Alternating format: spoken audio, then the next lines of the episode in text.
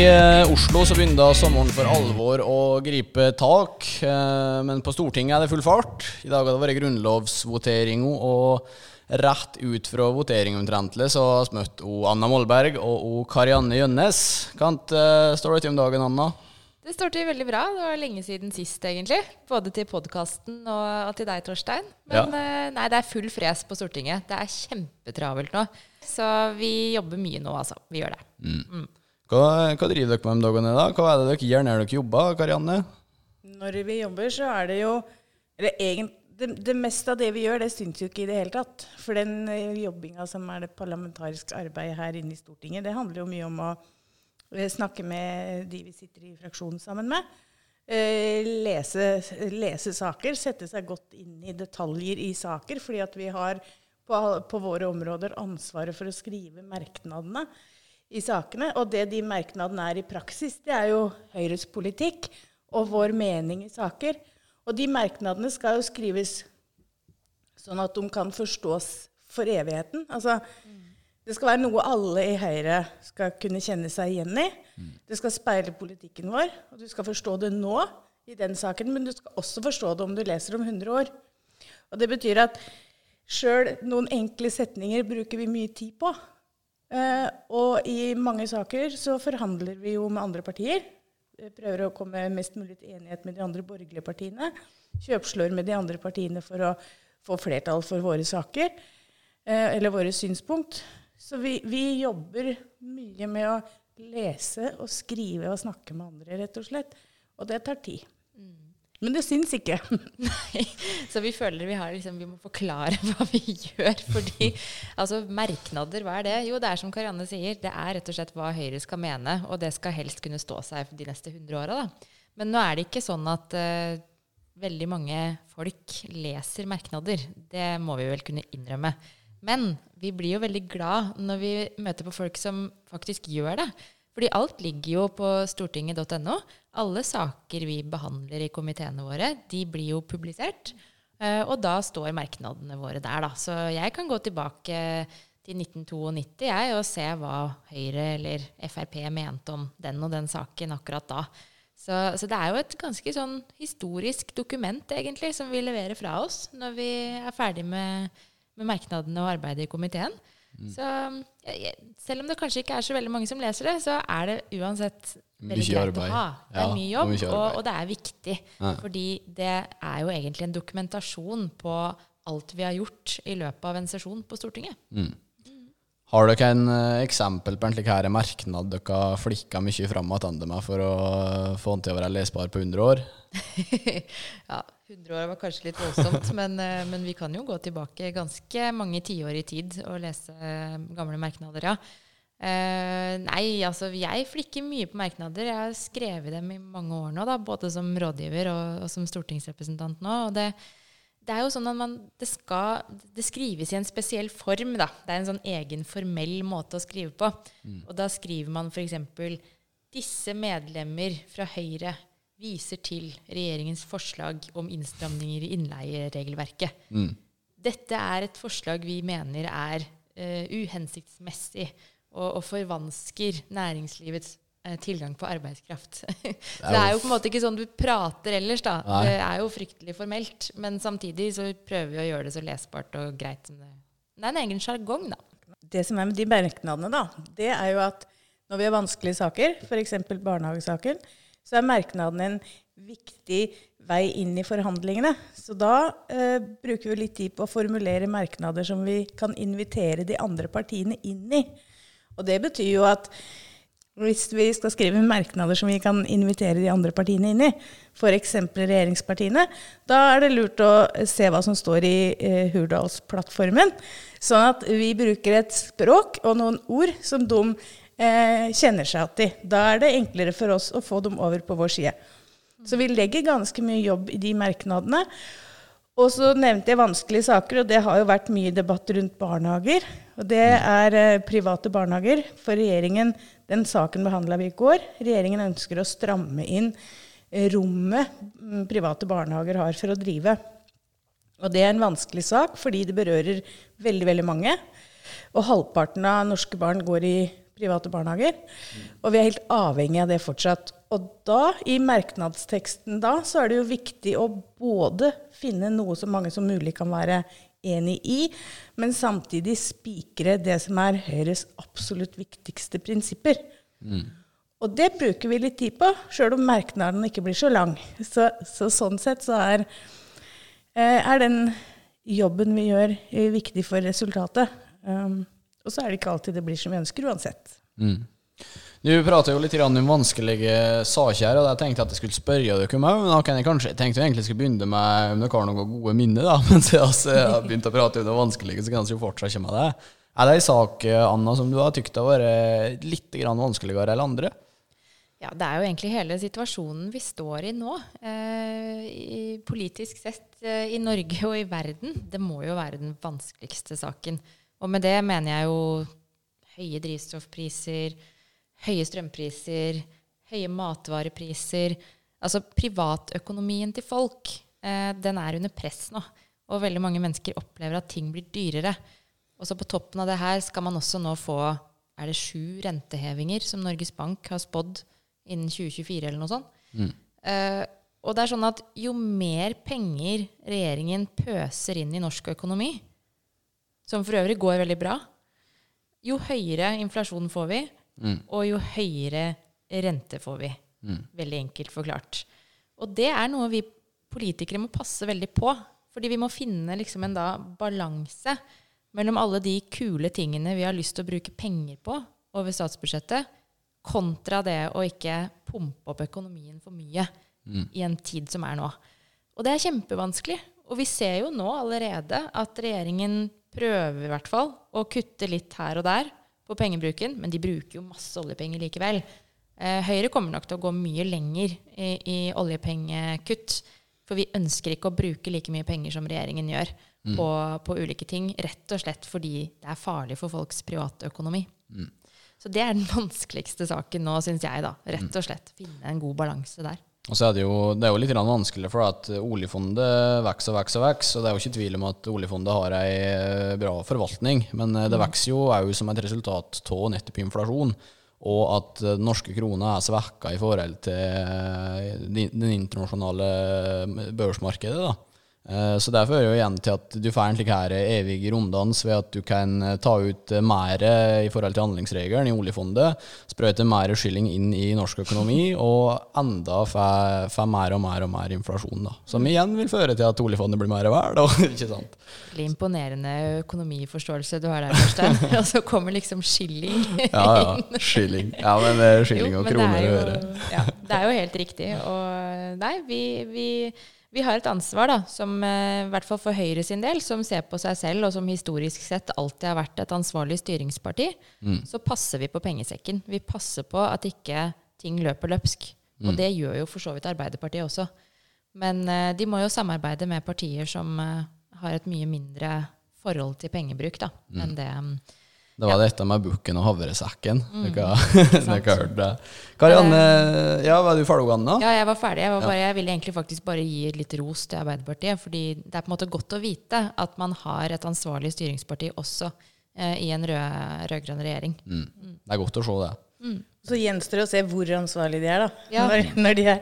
Men, men jeg, jeg er veldig enig nå, i det. Så det Ja. kan jo ese ut det pengebruken nå. Jeg er veldig enig i det. Og så er det De har en kommunikasjonsutfordring. Eller vi alle har det eh, rundt den situasjonen vi er i nå. fordi at gjennom koronapandemien så har, har veldig mange opplevd å få hjelp når ting blir vanskelig. Og nå er vi i en situasjon så, der det er sånn at det blir enda vanskeligere for hver enkelt hvis det offentlige hjelper til. Og det er vanskelig å forklare. Ikke sant? Um, sånn at, um, og så har vi vært opptatt av at um, næringslivet også trenger strømstøtte, f.eks. Der har det ansvarlige partiet i regjering ikke gitt etter. Uh, sånn at uh, vi er i en veldig skjør situasjon. D- og vi har mange som står utafor arbeidslivet, og vi har mangel på arbeidsfolk i hele landet. Og vi har bedrifter som sliter økonomisk pga. Høye, strømpriser. Så den situasjonen er veldig sammensatt, både for Norge som land og for verden selvfølgelig. Men også for, for bedrifter og for uh, folks arbeidsplasser og for hver enkelt familie. Mm. Så det er en veldig kompleks situasjon. og der alt henger sammen med alt. Og der jeg tenker at um, vi får huske på Kåre Willochs ord om at den offentlige pengebruken må ned. Eh, det gjentok jo han hele tida, og, og det er vår jobb å si nå. Og da må vi også tørre å være litt upopulære innimellom, da. For det er jo det gjerne styringspartier må være. Eh, jeg var jo senest i en debatt mot SV nå om pensjon. Ja. Det kommer til å bli en uh, ny runde der, da, for å si det på den måten. Vi vedtok jo en pensjonsreform i 2011. Eh, Det var jo Jens Stoltenberg eh, sitt, eh, sin baby, egentlig, og som Høyre var helt enig med han i. Mm. og som egentlig bare var en reform som sparer oss for et regnestykke som aldri kommer til å gå opp dersom vi hadde brukt de pengene vi lå an til å bruke da, på pensjon. Og nå vil jo SV egentlig ha en reforhandling eh, av hele pensjonsreformen. Og LO sitter og diskuterer det samme på kongressen de, de har på Youngstorget nå. Og hvor de skal få alle disse milliardene fra, det er helt umulig å forstå. Så mm, det handler jo litt om å tenke om frem, på fremtidige generasjoner, og på deg da, Torstein, og på liksom, eh, ja, unge folk. Eh, Jeg er for så vidt relativt ung, jeg òg, men jeg tenker liksom på de som er enda yngre, da. De kommende generasjonene. De skal ha en pensjon å leve av. Og ja, pengebruken som vi la opp til, den, den hadde aldri gått opp. Hva er Høyres løsning her, da? Høyre sin løsning er å stå fast ved pensjonsreformen. Um, nå har vi nedsatt en kommisjon da, som skal se på om den gir noen urimelige utslag. Er det noe vi har gjort feil? Er det noen som kanskje sliter mer, da, og som må gå av tidlig, som ikke har helse til å stå lenger, som kanskje taper urimelig mye? Det er vi villige til å se på, altså, hvis det finnes urimelige utslag der. Men i det store og det hele så står eh, pensjonsreformen fast. Så mm, ja, dette er veldig, veldig viktig for fremtiden og for fremtidige generasjoner. Jeg tenker at vi må se den reformen i i sammenheng med samfunnsutviklinga. Um, fordi at uh, parallelt med at folk må stå lenger i jobb, uh, så må folk òg omskolere seg hele livet, eller ta mer etter- og videreutdanning. Og det kan jo være nøkkelen for mange. At for de som um, Arbeiderpartiet og gjengen pleier å si slitere. Jeg vil jo si at det er veldig mange som sliter gjennom et langt arbeidsliv. Og du behøver ikke å jobbe på gulvet i industrien eller i helsevesenet for å være en sliter. Det er et ord jeg egentlig ikke liker, fordi det er veldig mange som jobber veldig mye og veldig hardt. Uh, og, og alle fortjener, en stor takk for det. Men jeg tenker det at vi skal stå lenger i jobb, det innebærer også at vi må eh, få påfyll av kunnskap, eller kanskje omskolere oss gjennom livet. Og det kan være løsningen for mange, at istedenfor å innstille seg på å gå av med pensjon når du er 62, kanskje er løsningen å ta en ny eh, utdanning når du er 55, for å kunne stå i jobb til du er 72. Altså, Vi må innstille oss annerledes, og vi må tenke annerledes på livet vårt. For vi lever i veldig, veldig mange år, og vi har ikke råd til som samfunn at folk skal eh, begynne å reise jorda rundt og, og, og leve livet når de er 62. Eh, for da, da, går ikke, da går ikke samfunnet eh, opp, rett og slett.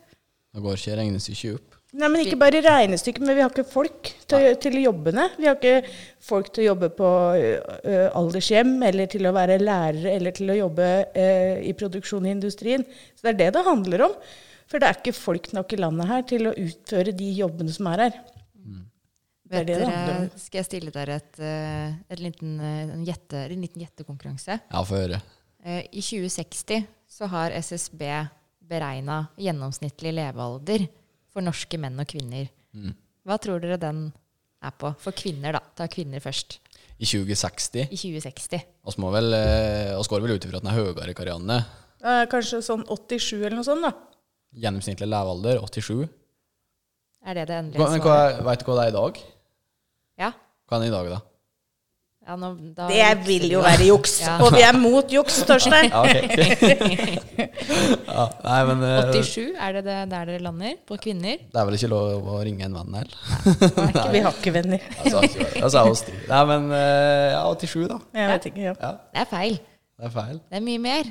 Det er 91 år. I 2060 så er gjennomsnittlig levealder for deg og meg, Karanne, 91 år. Ja. Og for menn 89. Ja. Og da sier det seg jo sjøl at vi må, som du sier, Karianne, tenke litt annerledes når det kommer til pensjon og arbeidsliv og jobb. Vi må ha et pensjonssystem som legger opp til at du skal stå lenger i jobb, og at det er det som skal lønne seg for deg. Egentlig så bør vi tenke litt annerledes på hele livet. For hvis vi tenker da at eh, hvis vi legger sammen mann, menn og damer, da, så skal vi liksom bli 90 år i år 2060. Og hvis, er, hvis vi tenker sånn som jeg er nå, så jobber en da cirka bare Er det mange, i hvert fall ikke alle, mange jobber bare en tredjedel av livet nesten. Fordi at eh, mange er ikke ferdig utdanna og ute i fast arbeid før de er 30 år. Fordi de har veldig lange utdanninger, bruker mye tid på å reise, jobber litt innimellom osv. Så, videre. så er de 30 år før de kommer ut i en, sin første faste, fulle stilling som ferdig utdanna et eller annet. Så stifter de familie og jobber mye noen år.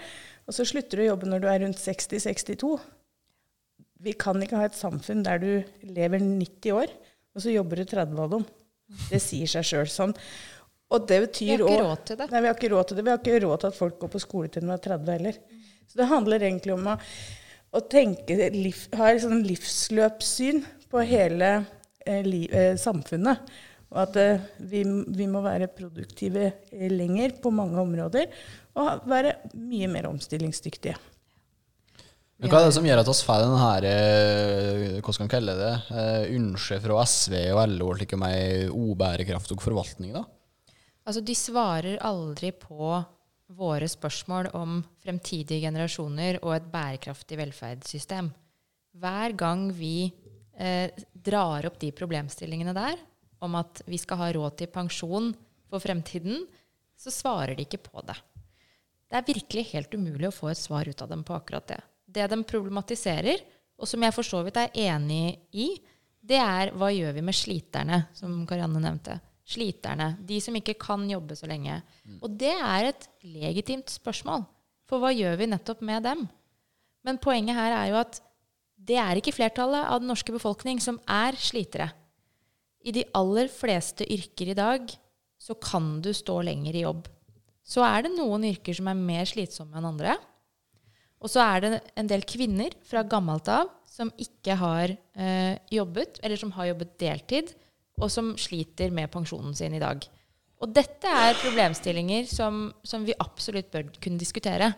Og det var jo derfor også Høyre nedsatte denne pensjonskommisjonen, som fikk et eget mandat til å nettopp vurdere urimelige utslag.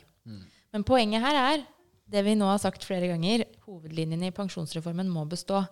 Og det SV og Rødt tar til orde for egentlig, er jo for det første helt enorme kostnader vi ikke har råd til. Eh, og for det andre så tar de jo på en måte til orde for at vi nærmer, nærmer oss en slags flat pensjon. da. Altså Man ender jo på en måte opp med at de som ikke har jobbet en dag, eller jobbet veldig mye mindre, får omtrent den samme pensjonen som en som har stått på i 40 år. Og nå er det mange grunner til at folk ikke kan jobbe lenge, og mange forståelige grunner til at folk ikke kan jobbe lenge. Men samtidig så må vi også huske på at det skal også være en viss rettferdighet også, da, i, i systemet. Så, så vi skal ha gode ordninger for de som er syke, og de som på en måte har slitt gjennom et langt liv. Men da må også mange av oss andre kanskje, da, som kanskje er så heldige og er friske, ta regningen og jobbe lenger.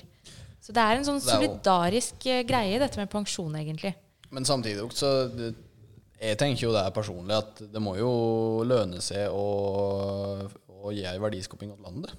Ja, Det må det. Det Det må må, det må jo lønne seg at eh, hvis vi skal ta disse sliterne som du prater om, da, Karianne, i alle på en måte sjikt i arbeidslivet At du har disse som jobber 16 timer i døgnet, og, og det er jo en form for slitere, det òg. Og at de på en måte har betalt for det òg når de pensjonerer seg, er jo rettferdig, tykker jeg. da. Ja, jeg mener jo helt ærlig og oppriktig, og det gjelder på alle områder, at det å behandle alle likt er det mest urettferdige som finnes. Mm. og så er det jo sånn at eh, det at vi mener det, vi skal behandle folk ulikt, betyr ikke at vi ikke skal ta vare på de som trenger det. For det mener vi jo virkelig. Og det er jo noe av det som ligger til grunn for Høyres både pensjonspolitikk og sosialpolitikk og helsepolitikk, at vi skal hjelpe de mest, de som trenger det mest. Det den andre gjengen holdt på med nå, det er jo også å fjerne all den differensieringa vi hadde gjort i velferdsordninger f.eks. Og bruker penger på, satt på spissen, så sørger den regjeringa som sitter nå for at de som har, er stortingsrepresentanter og trenger barnehage, får billigere barnehage. For de gjør barnehage billigere for alle. Vi vil gjøre barnehage, og SFO, briller osv. billigere for de som trenger det mest. Mm. Og det er den tankegangen vi må ha med oss inn i all politikk framover. At hvis vi gir alle likt, så har vi ikke råd til det. Men samtidig er vi nødt til å sørge for at det lønner seg å jobbe. Men det betyr ikke at vi ikke skal ta vare på sliterne, da. Eller de som blir sjuke eller trenger hjelp på annen måte. Hva er det du pleier å si, Karianne? Like muligheter for ulike personer? ikke det? Nei, vi må, skal gi um, ulike barn like muligheter. Ja, det var det. Ja, ja. det er så viktig, dette. ja, ja, ja. ja det er det. Det er en fin slik det her eh, tommelfingerregel, da. Eh, vi prater jo lenge om eh, Det ble en bra sekvens på den vanskelige saken din. har, du, eh, har du noe flere saker du, Karianne, som du syns er vanskelige? Nei, jeg, jeg tenker at det, det, vikt, det, viktigste å si at det er vanskelig nå, er summen av alt vi driver med. Mm. Eh, fordi, Verden er vanskelig. Ja, og så er det jo, som mange høyrefolk har sagt før, vi er imot summen av det vi, alt det vi er for. Sant? Og, og, det blir veldig tydelig nå. Eh, vi jobber veldig hardt, både i Høyre og i fraksjonene. Eh, og i Stortinget for å finne gode løsninger på de helt store problemene. Mm. Eh, fordi verden er i endring, og ting endrer seg veldig fort. Og det har eh, Nå er jeg mye eldre enn dere, så jeg husker veldig godt når muren falt. Ikke sant? Jeg var på interrail eh, i Øst-Europa før muren falt. Eh, og jeg, hele min oppvekst så husker jeg veldig godt den kalde krigen og de endringene som har kommet etter den. Og så er vi på en måte på vei litt tilbake. Og det medfører jo konsekvenser for alt vi driver med. Så det som er spennende med å sitte på Stortinget nå, er at vi driver med politikk i det uh, som vi kan kalle små, men veldig viktige, med pensjon, innleie, barnehage, skole osv. Og så driver vi også med politikk i det helt store, uh, som handler om verden. Uh, og hvordan den skal utvikle seg framover. Og det er kjempespennende. Og vanskelig. Mm. Helt klart. På dette, Det er jo ikke et fullt år ennå, men eh, det kan jo snart være innvært et år nå. Dere har begynt å nærme oss høsten, i hvert fall. Eh, dere må ha vært borti noen artige ting, eller har noen gode minner, eller noe saker dere er ekstra stolte av, eller noe slikt? Har du ei liste eller noe? ja. Jeg hadde jo vært litt trist hvis jeg ikke skulle hatt noen gode minner. Nei da, det vi, vi nevnte jo det, Karianne. Vi er jo egentlig Jeg tror vi er enige eh, om hva som kanskje gjorde mest inntrykk på oss. Eh, bakteppet er jo ikke noe hyggelig. Men, mm. men det kanskje største minnet, det er jo når eh, Ukrainas president eh, Zelenskyj talte til Stortinget. Mm. Da eh, kjente i hvert fall jeg på at her er det noe helt historisk som foregår. Eh, noe vi ikke har opplevd eh, ja, egentlig siden Churchill da, talte til Stortinget eh, etter andre verdenskrig. Mm. Så, så, det var stort å være en del av. Eh, og det var stort å, ja, egentlig, å høre hva han hadde å si, og hva han trengte. Eh, og så var det liksom så viktig etterpå også å levere på det han trengte. Mm. Og der har vi jo vært uenige, både med ytre venstre, som er imot våpenforsendelser og Nato og whatnot, som, som er helt hårreisende. Eh, og I tillegg til det så har det jo også vært en del snakk om hvor mye våpen, hvor raskt vi skal sende våpnene, eh, osv. Så, så Så der syns jeg jo egentlig vi i Høyre har eh, inntatt en ganske god posisjon og pushet regjeringen. Mm. Hva er liksom eh, Høyre sitt eh, ståsted her, da? Nei, Vi har vært tydelige på at vi skal hjelpe Ukraina med våpen. Mm. Eh, og vi har også vært veldig tydelige på at regjeringen må så fort som mulig, etter anmodning fra Ukraina, ta inn sårede soldater fra Ukraina. Og det har jo tatt ukevis for regjeringen nå eh, å behandle den anmodningen fra Ukraina. Mm. Og nå, først i går, fikk vi endelig eh, beskjeden om at vi kommer til å ta imot sårede soldater fra Ukraina. Og det var på høy tid, for den anmodningen den kom for flere uker siden. Har du noe du vil tilføye der, Karianne? Nei, Jeg er helt enig med, med Anna at det var et veldig sterkt øyeblikk. Eh, og på, på mange måter. Og jeg tror at det var veldig spesielt for de aller fleste i denne salen. Ikke bare fordi det var historisk, men fordi at eh, han er jo en av oss. Eller vi er som han, på en måte. Ikke for å Det er ingen av oss som er presidenter, men vi er valgt av folket vårt. Så han, eh, han snakka til oss som kollegaer. Og det gjorde et utrolig sterkt inntrykk. Fordi eh, det sitter en kollega av oss i et naboland eh, og ber om hjelp. Eh, og det var ikke mange øyne som var tørre der når han, han sa at i år um, er det mange barn, ukrainske barn som skal gå i norske 17. mai-tog.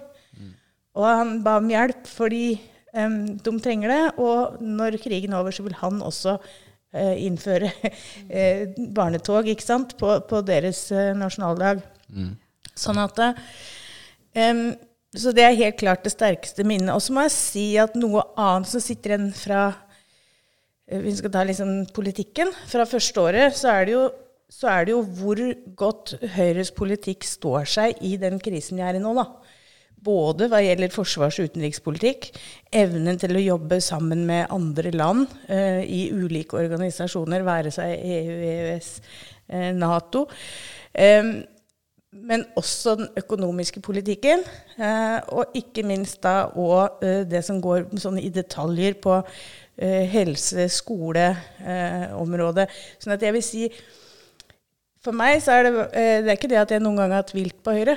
Eh, Da hadde jeg ikke sittet her som folkevalgt for Høyre på 15-året. Men poenget er jo det at også i den krisesituasjonen her, når mange partier eh, kan nevne i fleng partier på den andre sida av politikken nå som møter seg sjøl i døra hver eneste dag på at den politikken de har vedtatt, den står seg ikke når, når kriser oppstår eller, eller i møte med den virkelige verden.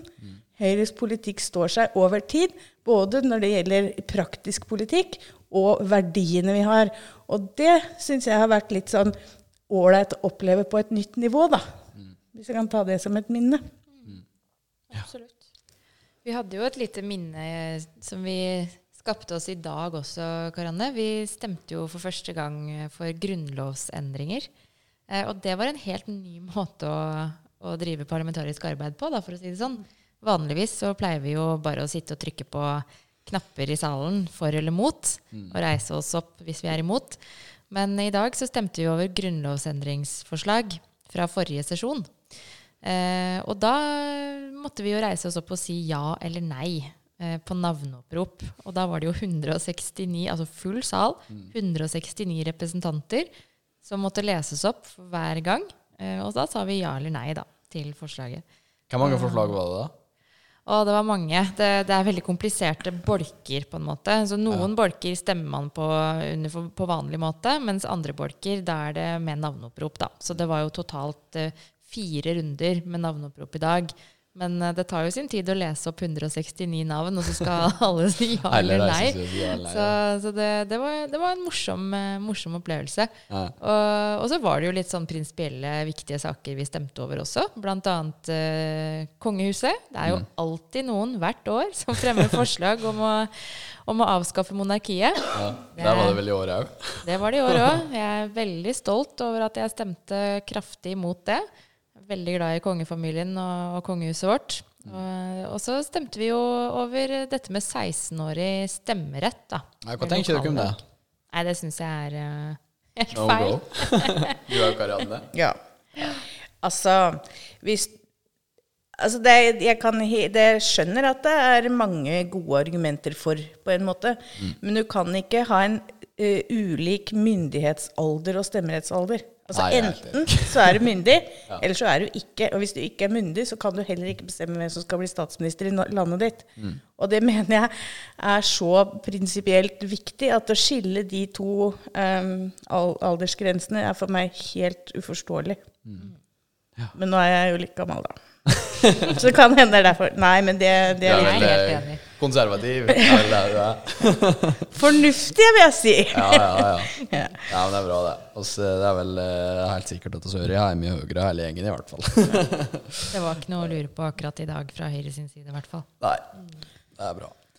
Men eh, nå er det jo eh, sommer ute, da. Jeg kom jo til Oslo i år, og det var så varmt at jeg skjønte jo ingenting. Jeg synes det var kommet til Syden. Det er helt kontinentalt klima. Hva, hva skal dere bruke sommeren på, da, Anna? Ja, det nå er det jo sånn at det, det ryktes eh, om at vi på Stortinget har ferie fra slutten av juni til oktober. For det, da stenger jo faktisk Stortinget. Da er det ikke stortingsmøter. Eh, så da trenger vi jo ikke å møte opp her, eh, i, i teorien. Men eh, det betyr jo ikke at vi kaster alt på sjøen og liksom drar til Bermuda i, i tre-fire måneder. Vi, vi skal jobbe, og vi skal reise rundt. Men vi skal selvfølgelig også ha fri. Herregud, jeg trenger det. så nei da, så jeg skal eh, Jeg prøver å liksom Jeg gleder meg litt til å reise rundt i, i Innlandet, egentlig. Besøke litt gårder og bedrifter og ta noen kaffekopper som jeg veldig gjerne skulle tatt for lenge siden, men som det ikke har vært så mye tid til å ta. da. Eh, og egentlig bare ja, reise litt rundt. Vi har jo mye som skjer også i august. Da er det Arendalsuka, annet, som er dette politiske treffet hvor vi sitter og debatterer ting en hel uke i strekk. Så det skal jeg være med på. Så nei da, så det, tida går jo fort, og så er vi jo plutselig i september, og da starter jo veldig mye av partiaktivitetene. Vi skal jo ha masse seminarer og ja, politisk planlegging og den type ting, og liksom forberede oss på en ny sesjon. Så, men juli, da, da blir det noen uker ferie, altså. Så da tar jeg meg en tur til Sveits og skal gå i fjellet og Skal du til alpin, da? Hva sa du? Skal du gå i alpin, da? Jeg skal det. Ja, ja, jeg er veldig glad i Sveits, Ja. egentlig. Jeg var der nå på komitéreise, da, så det var litt mer jobb, egentlig. Ja, ja, ja. Men eh, nå skal jeg tilbake. etter retur, da. Ja, så det blir meg og noen gode venner da, som Oi. skal ut på tur. Har ikke du jobba i Sveits, Karianne? Jeg har både jobba og gått på skole i Sveits. Få få- få høre, høre mer om det. Jeg har ikke glemt deg nå. Ja. du drev eh, Sånn er det i ungdommen nå til dags. Jeg, jeg gikk på, jeg gikk på um, eh, hotellfagskole i Sveits. Og har da eh, sveitsisk diplom i hotelledelse og markedsføring. Um, og da bodde jeg i Kor, som eh, er i den tyske delen av Sveits. Uh, hvis du tenker en Det er ikke så langt unna Davos. St. Moritz. Ja. Der har jeg vært. Ja. Så, uh, og så har jeg bodd i Zürich. Ja. Uh, og så har jeg bodd i Pon Pontrasina, som eh, også heter Pontrasinia, som er i den gamle rumenske delen av Sveits, egentlig. Like ved St. Moritz. Eh, så kult. det var eh, noen eh, fantastiske år. Um, jeg skulle gjerne vært der lenger, men eh, fikk ikke arbeidstillatelse. Men Sveits er et flott land. Sveitserne er ganske strenge på både innvandring og arbeid og investeringer. Eller De er for strenge, tenker Ja. jeg. Det må jeg bare si. Ikke pga. min egen situasjon den gang, da, men, men Sveits er et veldig flott land. Eh, Men de er i, overgang, i overkant forsiktige og konservative på veldig mange ting. Noe også det politiske systemet gjenspeiler, med at de har folkeavstemning for den minste ting. Sånn at det, det er veldig gammeldags land, men veldig fascinerende og veldig fine folk. Er de, eh, er de fryktelig slik eh, nasjonalromantiske Ja. overfor seg sjøl? Ja. Jeg veit Altså, de eh, Det er nesten litt sånn som i Lom. Ja, Jeg bare lik- liksom oss. Jeg driver jo eh, litt grann med vin, da, så jeg at de produserer gjerne ikke bra i Sveits. Men det er jo så irriterende, for det er jo helt umulig å få tak i. For Ja. de drikker jo De drikker det sjøl. Ja, ja. De, de drikker sveitsisk hvitvin og spiser ostefondy hele året. Ja, Ja, ja. Det er kjempegodt, så det går bra. Men eh, du skal vel ikke til Sveits i sommer, eh, Karianne? Nei, jeg skal ikke det. Jeg skal nok ikke ha sånn kjempemye ferie heller, men jeg skal ha en del ferie i juli. For det, det er mange år siden jeg sist jeg egentlig hadde noe særlig ferie. Men jeg skal jo eh, reise en del. Tenker at jeg rekker nok ikke 26, eh, 24 kommuner som vi er i Oppland. Jeg skal også litt i Hedmark. Men eh, for å bruke valgkretsnavna, da, vil jeg merke. Eh, Men, eh, nei, for det, det som er så kult, det er at vi skal jo snart stemme over sånne reverseringer. Ja. Det er så kult at vi bor i uh, Vedums hjemfylke, og vi skal ikke oppløses. Så det er bare så bra. Men uh, ja.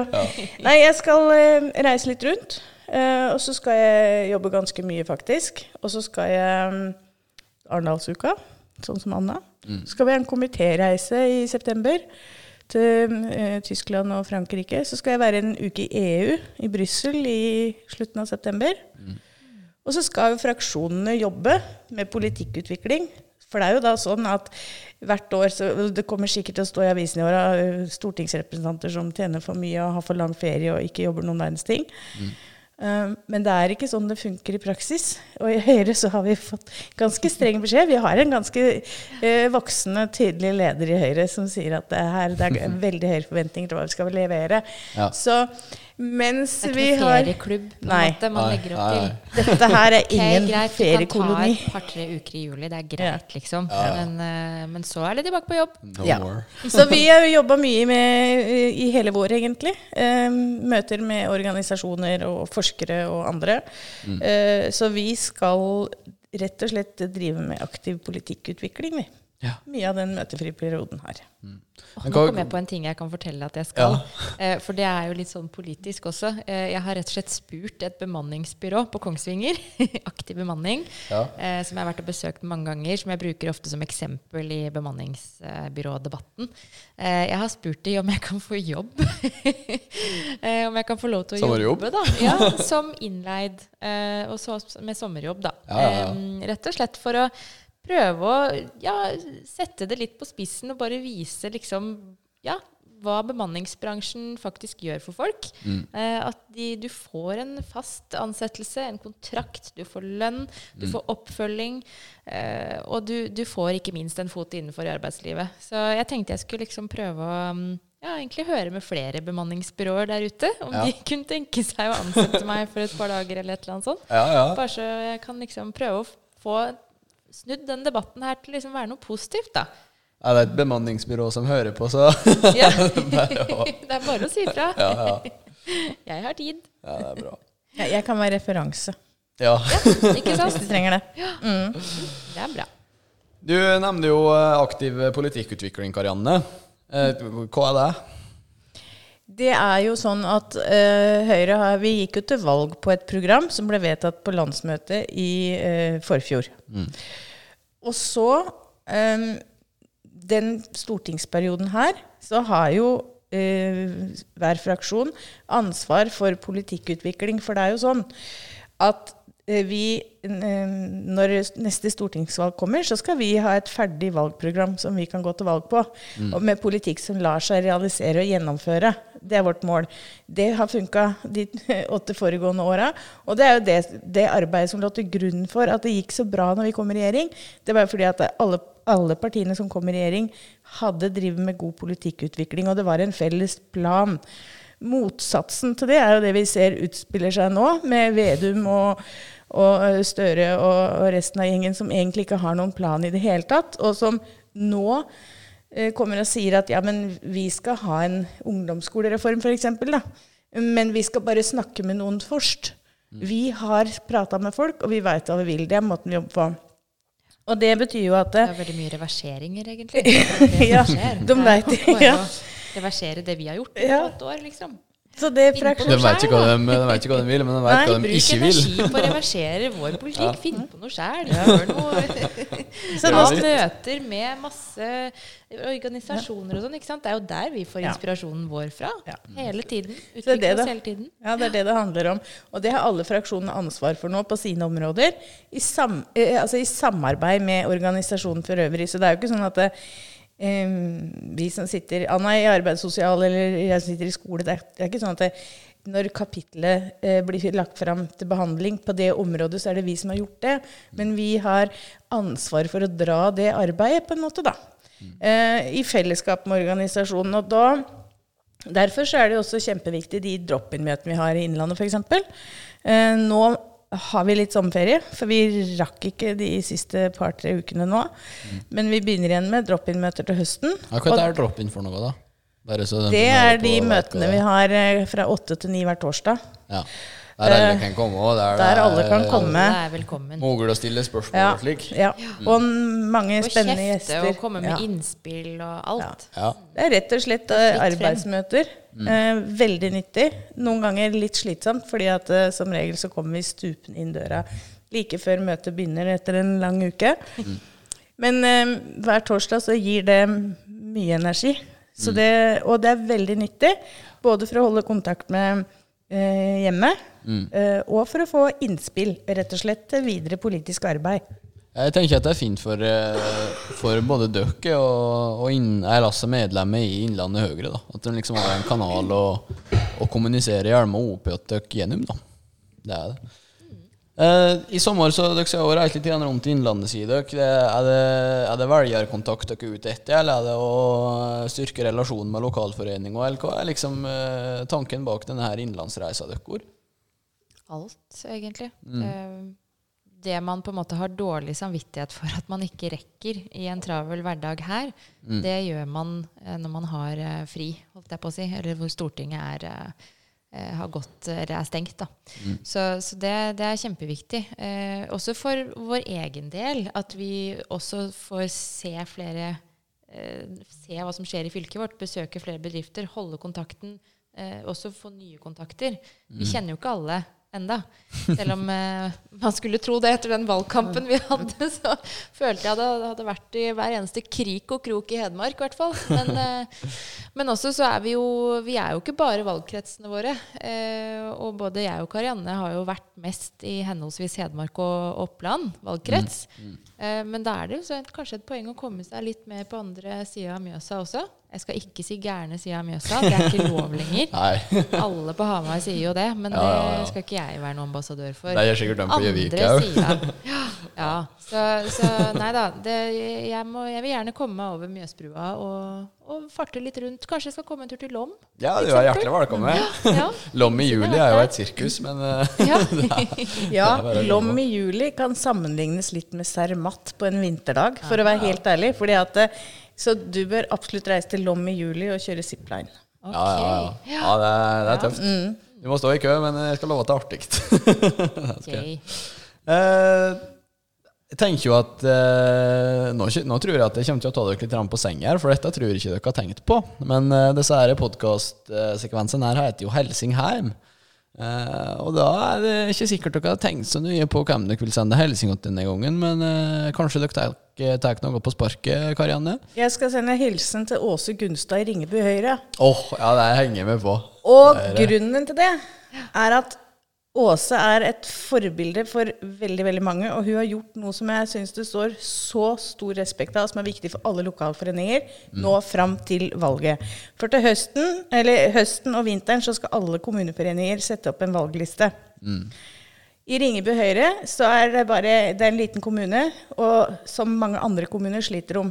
Åse sitter og ringer rundt til folk. Hun tenker kanskje kunne tenke seg å være enig med Høyre. Kanskje har du lyst til å melde deg inn. Eh, kanskje har du lyst til å stå på liste for å opprettholde Høyre i den kommunen. For det er sånn at hvis ikke Høyre gjør et godt valg ved kommunevalget neste år, så kommer ikke vi i regjering om tre år. Derfor er det kjempeviktig at vi alle sammen jobber på lag. Og Åse er et forbilde, så jeg vil hilse til henne og til alle andre. Skikkelig ildsjel, rett og slett. Ja. Åse er fenomen. Og Ringbu Nei, jeg liker godt eh, Ringbu Høgre. Og Marit og Nils Johanne. Nei, det er fine folk. det er Det ble en skikkelig folk. fin hilsen hjem, rett og slett. Ja, det ble det. Har du noen du vil hilse til, da? Ja, jeg syns jo ikke det var så vanskelig, egentlig, å ta den på sparket. Jeg tenkte med en gang på vår kjære fylkessekretær, Marianne Ja. Gunnerud. Ja. Hun, eh, vi hadde jo nettopp eh, for første gang på gud veit hvor lenge en felles eh, samling på Hamar, på Scandic, hvor hele Innlandet Høyre var invitert. Og vi hadde politisk verksted og middag, og det var kjempehyggelig. Eh, og dette er jo noen som alltid må arrangere, da. Og det er jo Marianne som har gjort, blant annet. Ja. Liksom Så klart har Marianne vært med på det. så jeg tenkte at sånn, tusen takk for at du orker å, å fikse og ordne og styre og printe og booke og bare få ting eh, gjort, da, slik at vi kan treffes. Ja. Så um, det er alltid godt å ha en fylkessekretær som bare tar ansvar for ting. Ja, og Marianne er ei helt fenomenal dame. Jeg har vært så heldig å ha hatt eh, Ja, Skikkelig. Jeg har vært så heldig å ha hatt Marianne som sjef. Nei, hun er helt eh, suveren, altså. Det er jo helt prima, som de sier. ja. ja. Så det var eh, dagens eh, hilsning heim. Ja. Så tenker vi eh, det er vi fornøyd med. Det Ja. er helt på sin plass. La oss prøve å romme det litt grann av, da. Nå blir det sikkert ei stund til neste episode, for dere er jo, skjønner jo at dere er fryktelig opptatt i sommer. Og jeg skal jo drive i lag med reiseliv og slik, og Julie, og jeg har ikke tid til å spille en podkast. Men eh, var det noe du ville Du er nesten så rett i hånden, Karianne. Var det noe du ville si? Nei. Nei, det var det med Åse. Det Ja, har jeg allerede sagt. Ja. Men, det, men det jeg kan si, Ja. det var jo at. Når jeg likevel får sjansen, så vil jeg jo si at hvis det er noen som har lyst til å ta kontakt, så gjør nå endelig det. Mm. Men det lønner seg ikke å ringe. Det lønner seg å sende en mail eller en messengermelding. Og så er det For vi er til å få tak i. Men, men det er ikke så lett å svare på telefonen. Mm. For det må jeg jo si, at det er veldig mange som ringer. Ja, ja. Og det er ikke alle telefoner det er hyggelig å ta. Sånn, sånn at derfor så er det mye enklere å sende en melding. Ja. Um, og gjerne invitere på besøk. Uh, og så er det ikke uvilje når vi ikke kommer, men jeg, prøver i hvert fall for min del, så tenker jeg, prøver jeg å legge opp uh, turer nå som gjør at jeg kan gjøre mange ting på en gang. Ehm, og, og at uh, jeg får mest mulig ut av det. Og så tenker jo jeg at i et fylke med så store avstander, så er det kjempeverdifullt at vi har de eh, Teams-møtene, og at vi har god kontakt på meldinger og telefon. For det er den eneste måten å gjøre det på. For når vi er lost her inne i uka, så er det her vi er. Eh, og det, nå har vi måttet si nei til flere invitasjoner. Og det er leit, det. Men, men hovedoppgaven vår er å, å gjøre jobben vår her skikkelig, og det eh, får vi lønn for nå. For, for vi, eh, vi får gode tilbakemeldinger. Anna får veldig mange gode tilbakemeldinger. Og jeg tror hvis en skal få gode tilbakemeldinger og gjøre en god jobb for velgerne i hjemfylket, og også, også eh, Innlandet Høyre, så kreves det at vi er her på Stortinget og gjør jobben vår eh, når det kreves. Og så skal vi prøve å gjøre vårt beste til å reise rundt når vi har mulighet til det.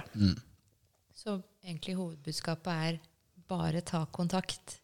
I slutten av juni så får vi mer tid til å reise rundt. Og da kommer vi på besøk. Bare ta kontakt. Derfor blir det siste utfordring. Ja. Bra, det. Skal vi rett og slett ønske god sommer, da? Vi må jo det. Ja. Nå er det endelig tid for å si god sommer. ja. Ja. God sommer. God sommer. God sommer.